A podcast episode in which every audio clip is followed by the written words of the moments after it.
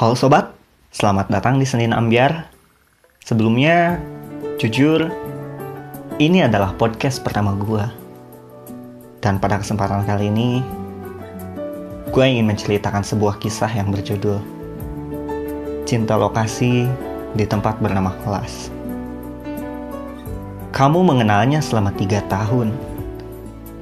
Tak pernah ada yang spesial di antara kalian. Dan besok, adalah hari terakhirmu berangkat ke sekolah yang sama dengannya. Mungkin ini adalah kesempatanmu untuk mengungkapkan perasaanmu padanya.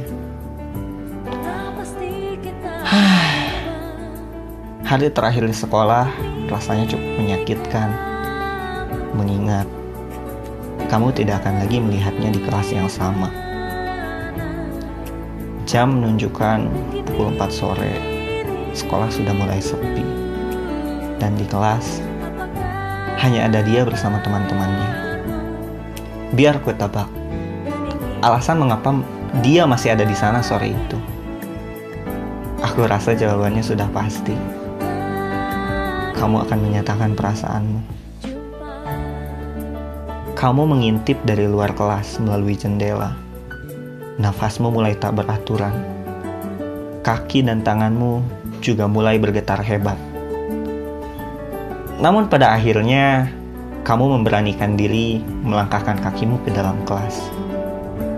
Kamu pun berjalan perlahan menuju dia yang sedang duduk di bangkunya. Teman-temannya beranjak dari tempat duduk, lalu pergi meninggalkan kelas. Ya, meninggalkanmu hanya berduaan dengannya.